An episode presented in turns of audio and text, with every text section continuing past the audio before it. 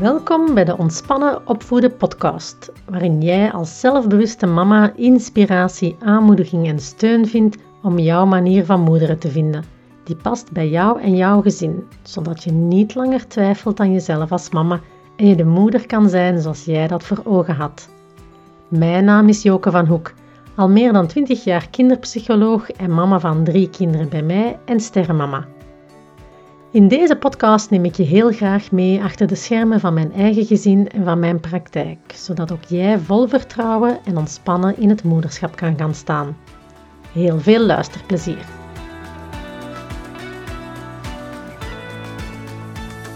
You can't pour from an empty cup. De uitspraak die in mij opkwam toen ik nadacht over met wat zou ik willen starten voor de Garbage Parent Challenge. Waar zou ik 30 dagen, of toch een eerste deel van die 30 dagen, graag bewust mijn aandacht naartoe willen laten gaan? Waar zou ik mij op willen richten? Wat zou mij helpen? En dan is misschien die You can't pour from an empty cup, dat wat symbool staat voor zelfzorg, staat dan misschien het verste af van alle dingen waar dat jij in eerste instantie aan denkt als het gaat over opvoeden, dingen die je in huis zou willen veranderen. Misschien zijn, zou jouw eerste idee zijn rond uh, minder drukte s'morgens, minder gedoe s'avonds, kinderen die beter luisteren als je iets vraagt, of meer verbinding maken met je kind, of hoe omgaan met ruziende broers en zussen, of hoe jij als mama woede-uitbarstingen van je kind kan opvangen, of uh, huilbuien. En toch kies ik zelf in eerste instantie voor mezelf, voor zelfzorg. En dan heb ik het niet over naar de sauna gaan, want dat kan ik niet 100 keer op uh, eh, 30 dagen. Maar dat is ook voor mij persoonlijk niet hetgeen dat echt mijn batterij vult. Hè? Want daar gaat het over bij You can't pour from an empty cup. Dat gaat over hoe kan ik mijn batterijen zo vol mogelijk hebben? Hoe kan ik zorgen dat mijn energieniveau, mijn persoonlijke draagkracht groot genoeg is om er te zijn, echt te zijn voor mijn kinderen. En met het oog op 1 september, die voor de deur staat, start van het schooljaar, kan het soms nog altijd niet vatten dat dat dus daar is. Op het moment dat ik dit opneem, is dat nog een kleine week. En misschien kijkt jouw kind er helemaal niet naar uit. Misschien juist wel staat het springen om terug uh, vriendjes te zien, terug naar school te gaan. En voor anderen is het misschien net een hele spannende. Het is sowieso een verandering. Voor de kinderen is het sowieso terug een overgang van het andere ritme in de vakantie naar het schoolritme. Hier thuis is het uh, een spannende 1 september, of toch een andere dan andere jaren. De jongste gaat naar het uh, eerste leerjaar en mijn oudste gaat naar zijn eerste jaar hoger onderwijs. Die zit nog thuis, die moet voor het eerst in jaren, in 18 jaar, allee, 15 jaar schoolloopbaan, niet naar school op 1 september. En ik weet dat de middelste er niet echt naar uitkijkt. En ik kan allerlei veronderstellingen maken hoe het voor hun gaat zijn, maar eigenlijk weet ik dat niet. Eigenlijk weet ik niet hoe het gaat zijn. En het gaat sowieso anders zijn dan ik in gedachten had. Het gaat sowieso op een bepaalde manier druk zijn. Ik ben zelf niet de meest georganiseerde. En school vraagt best wel wat organisatie en planning en brieven die gelezen moeten worden en oudercontacten en infomomenten waar dat je op aanwezig moet zijn en allereerste proeflesjes van hobby's, nieuwe hobby's eventueel, al dan niet toch verder zitten van vorig jaar, komen ook best heel veel keuzes bij. En als er iets is dat ik dit jaar heel weinig gedaan heb, is gepland sinds dat ons dochtertje overleden is in december, viel zo wat helemaal in planning, in duigen. Alles wat ik voorzien had, ging niet zijn zoals ik dacht. En nu, bijna negen maanden later, eh, moet ik voor het eerst echt terug plannen en rekening houden met agenda's. Dus eigenlijk om, om dat voor mezelf en ook voor hun te kunnen opvangen, al die veranderingen, moet ik toch eerst aan mezelf denken. Een beetje zoals ze zeggen in het vliegtuig dat bij luchtdrukval, bij het verminderde zuurstof, als dan die zuurstofmaskertjes langs boven naar beneden komen, dat je eerst als ouder je zuurstofmasker moet opzetten vooraleer dat je je kind zuurstof geeft. Je kunt niet voor je kind zorgen als je zelf geen zuurstof hebt. Letterlijk en figuurlijk. Op een platte batterij kunnen niet veel doen. En vandaar dus mijn keuze om te starten met de You Can't Pour from an Empty Cup. Wat heb ik nodig om mijn batterijen op te laden en hoe kan ik dat op een zo laagdrempelig mogelijke manier doen, juist omwille van 1 september, maar eigenlijk altijd. Het is zo druk met kinderen in huis. Hoe kan ik iets inbouwen en voor mezelf om dat vol te houden en om dat minstens 100 keer te doen de komende 30 dagen, of in mijn hoofd, eh, om het simpel te houden, drie keer per dag, op zijn minst al de eerste weken, kan ik nog altijd zien of ik nadien overschakel naar een ander focuspunt. Wat heb ik nodig om mijn batterijen op te laden? Of ervoor te zorgen dat die niet helemaal leeglopen? Hoe kan ik ervoor zorgen dat mijn kopje niet, of mijn emmer niet overstroomt, of kapot valt, of helemaal leeg komt, waardoor ik niks te geven heb? Daar wil ik jou graag vandaag met deze aflevering wat inspiratie geven. Als je denkt, oh jee, ik weet niet hoe dat ik deze allemaal ga moeten toepassen, ik geef hier ook nog een eh, live sessie over. En dus ik kijk naar dingen, hele kleine dingen, die mij kunnen helpen om mijn batterij op te laden. En waarvan ik gemerkt heb de afgelopen jaren dat ook andere ouders baat bij hadden. En iets wat ik mezelf ook drie keer per dag zie doen. Eraan denken is nog iets anders. Hè. Vandaar dat in een afvinkbladje uh, dat vinden in de, ik zal het hier ook nog in de show notes zetten. Dat vindt je ook in de show notes van de aflevering over de Garbage Parent Challenge. Als die in zicht hangt, helpt mij dat wel om mij eraan te herinneren. Ah ja, ik ging dat nog doen. Uh, maar dus, van korte herhaling, wat is de essentie? 30 dagen iets doen rond opvoeding. Iets dat op een bepaalde manier meetbaar, zichtbaar, voelbaar, hoorbaar is voor iemand uit de buitenwereld. Dat moet niet uw kind zijn. Want zoals dit, dit in dit geval is het echt iets dat je voor jezelf doet, maar het heeft een, uh, zeggen, opvoedkundig doel. Er kunnen zijn voor mijn kinderen, maar daarvoor moet ik eerst zorg dragen voor mezelf. En iets, iets superkleins, maar waar ik het effect echt wel al van gevoeld heb, is door bewust ruimte maken voor iets moois. Wat bedoel ik daarmee? Meestal doe ik dat zelf morgens dat ik bijna letterlijk mijn raam open doe en gewoon kijk. En kijk of er iets is dat mij opvalt, dat in mijn aandacht komt, dat mijn aandacht trekt als iets dat ik persoonlijk als mooi ervaar. En heel vaak is dat iets in de natuur. Ik zoek dan echt iets bewust. En uh, om enkele voorbeelden te geven, uh, dat gaat over de dauwdruppels in het gras hoe de zon weerkaatst op groene blaadjes. De helder groene kleur van die blaadjes. Een heldere blauwe hemel, een melkzonnetje, de zonsopgang, een bloemetje dat ik mooi vind en dat in mijn aandacht komt. Al die dingen. Het kan even goed zijn als ik um, rondloop op straat en het is een, um, een redelijk grijze buurt, het is een grijze dag. Ook daar is er iets dat, dat mijn, in mijn oog komt, iets dat ik mooi vind die zin, of het kan ook zijn een woord of een zin dat ik ergens zie, een kleur dat mij opvalt, een vorm die mij iets doet. En dan pak ik daar een paar seconden de tijd voor om echt gewaar te worden, echt waar te nemen de, de schoonheid dat ik zie in de superkleine dagdagelijkse dingen. En als ik dat doe, voel ik vaak bijna instant een verschil.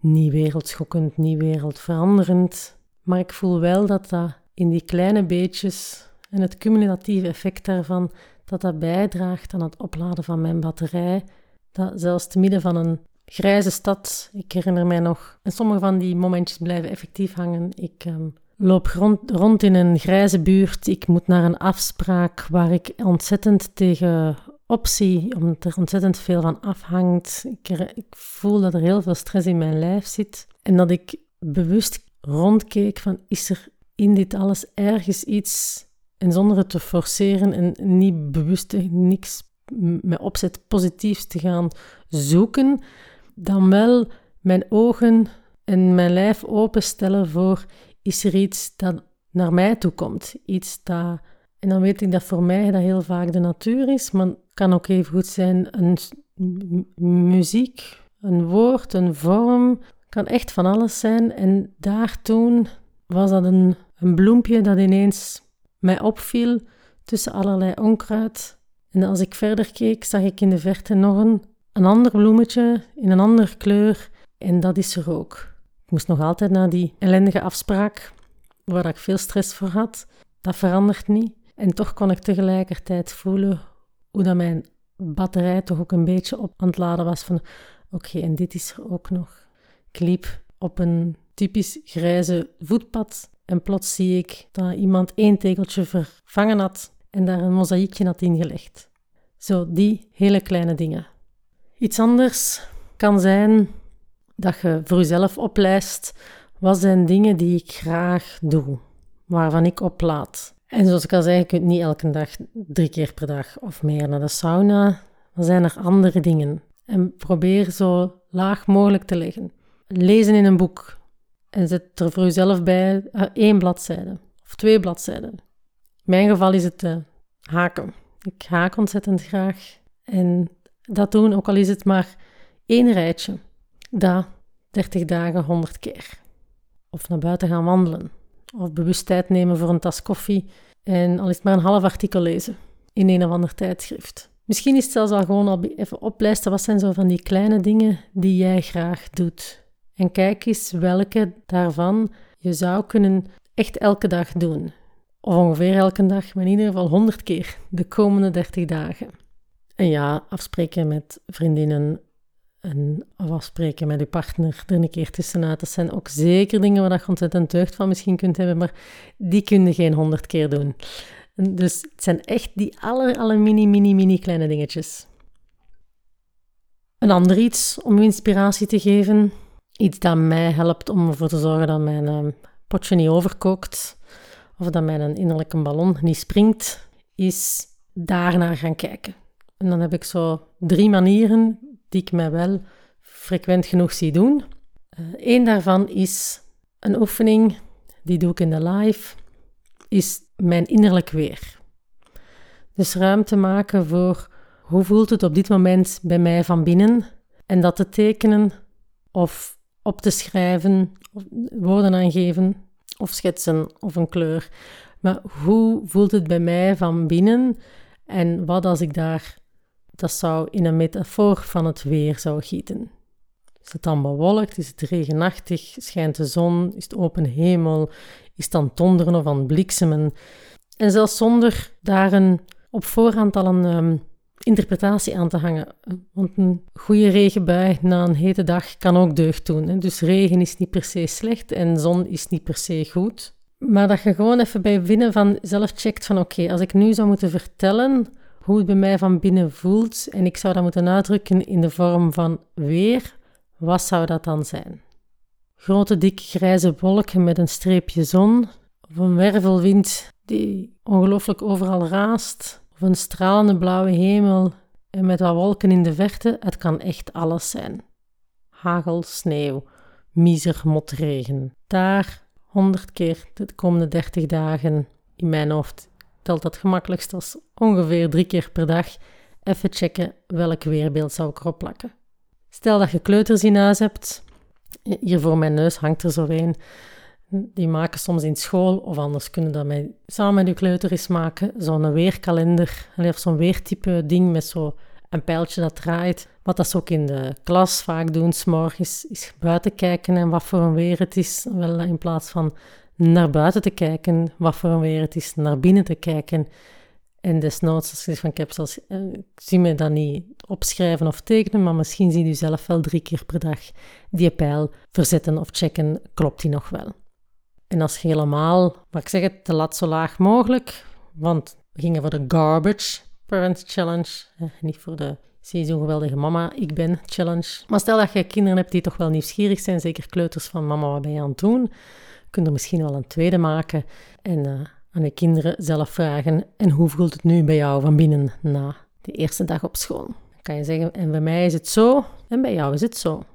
Er hoeft geen uitleg, geen verdere woorden aan gegeven te worden. Oké, dus innerlijk weer is voor mij een van de manieren om contact te houden met hoe is het met mij van binnen, hoe is het gesteld met mijn uh, tasje, hoe leeg is het of hoe vol is het? En wat zit er eigenlijk allemaal in?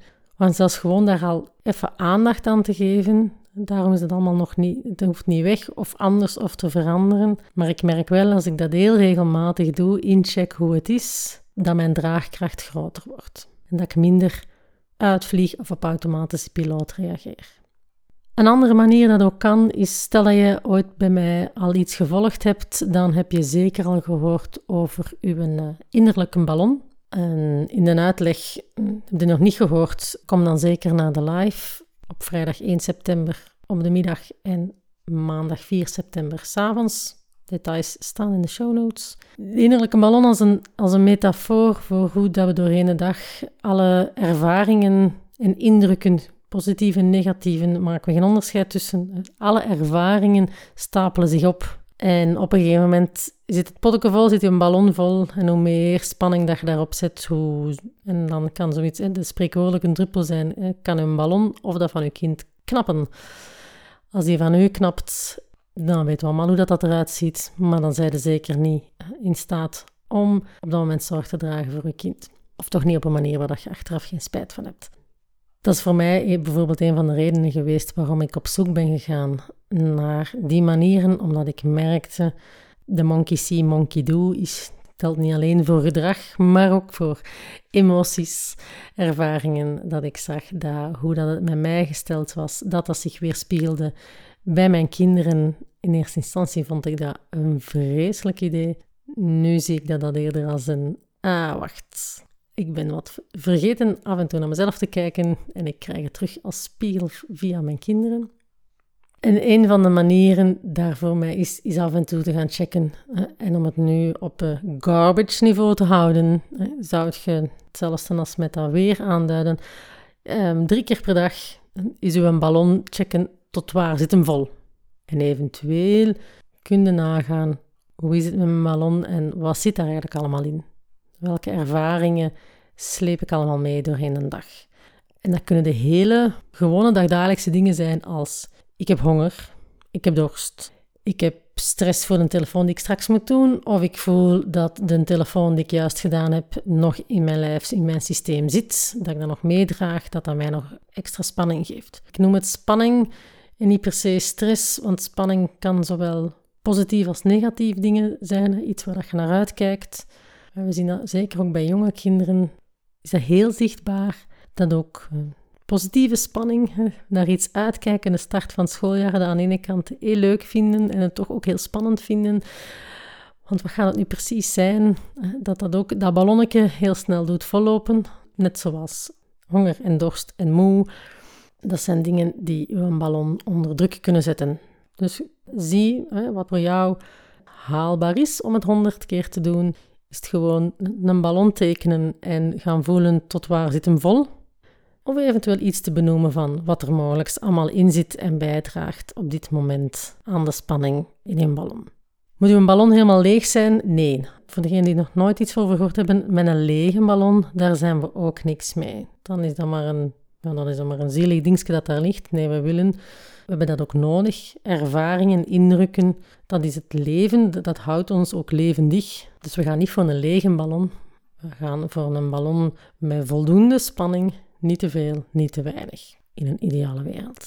Wat ik gewoon gemerkt heb voor mezelf, als ik regelmatig incheck met hoe, hoe is het met mijn ballon en wat zit er allemaal in, dat ik minder reactief reageer. Minder vanuit mijn stress en spanning en opgejaagdheid ga reageren. Maar dat ging ook niet van begin. Gewoon een opmerken dat er is, is vaak al een eerste stap. En dan nog een laatste tip die mogelijk kan helpen om zorg te dragen voor jezelf en in te beginnen met gewoon op te merken wat er is. Als je zegt van ik ben niet zo voor die visuele dingen, dan kan misschien het volgende nog helpen. En dat is een puur taalkundig iets. En dat is ook een manier ook wel om een stukje om een ballon wat te, hè, zachtjes af te laden.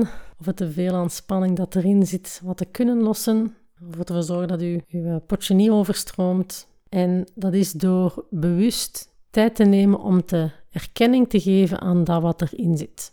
En wat bedoel ik daarmee? En zonder dat je op zo'n manier, zonder dat je daar, wat dat wij in psychologische termen vaak zeggen, zonder dat je daarmee samenvalt of zonder dat je ervan moet weglopen. Is dingen te veel worden of moeilijk worden en je systeem begint door te hebben van ho, ho, ho, dit komt niet goed, dan zijn zo de twee automatische, reflexmatige verdedigingsmechanismes van ons systeem ofwel uh, loopt er van weg, dan heb je er voor even op dat moment geen last van, ofwel val ermee samen en val ermee plat. Om je te helpen om in een andere modus te komen, zodat je er niet moet van gaan lopen, maar ook niet dat je eronder bedolven of overweldigd door worden, kan op de volgende manier.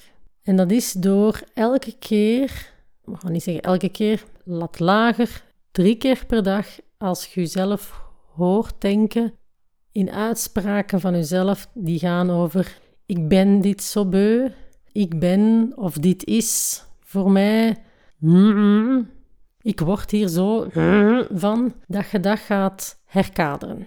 Een voorbeeld, als je jezelf voelt, hoort, denken,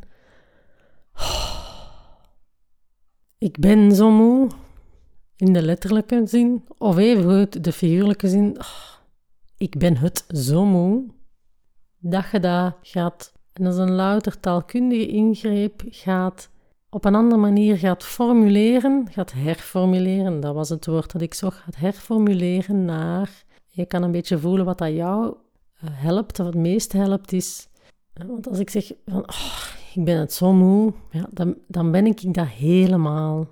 Dan is er niks anders meer. Maar als er niks anders meer is, dan, dan kan er ook niks bij van je kind.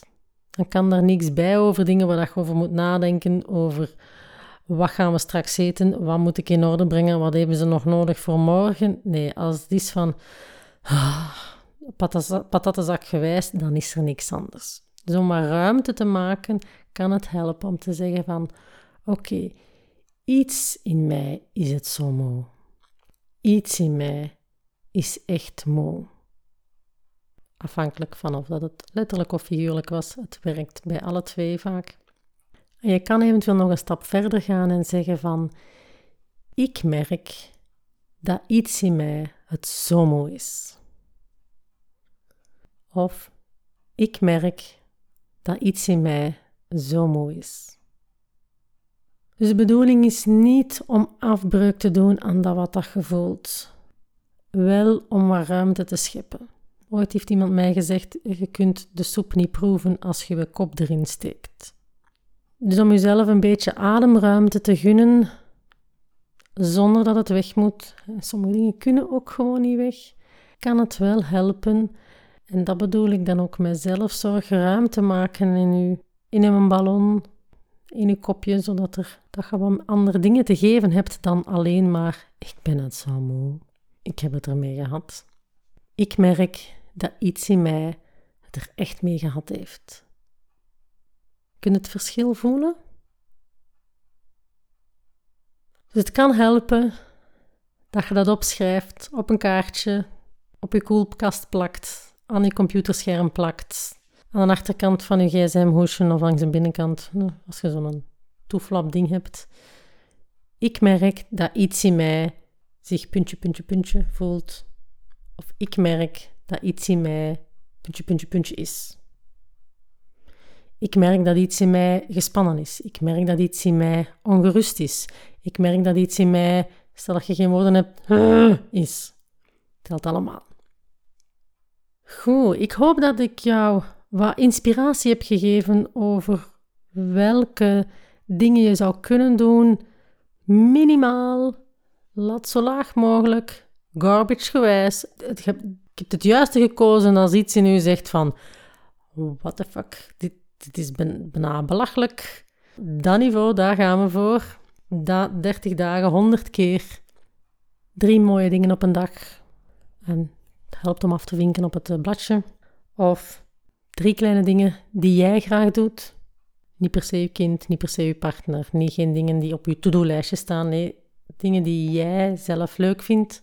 Drie keer per dag of honderd keer op 30 dagen. Hoe ziet mijn innerlijk weer eruit? Duid ik het aan? Kleur ik het? Geef ik er woorden aan? Het alleen in je hoofd denken heeft minder effect. Dus ik nodig je echt uit om het uh, ofwel visueel te maken ofwel op te schrijven, of als je in een douche staat of op het toilet zit, hardop uit te spreken. Of uw ballon van naderbij bekijken. Tot waar komt hem? Tot waar is hem gevuld? Of wat zit erin? Of eventueel te kiezen uit ik merk dat iets in mij. Goed, ik ben benieuwd of dit jou wat inspiratie kan geven. Wees in ieder geval welkom op mijn live sessie hierover 1 september smiddags of 4 september s avonds. Dan licht ik graag nog wat extra toe, ga ik graag in op vragen die je daarover hebt. Tot dan!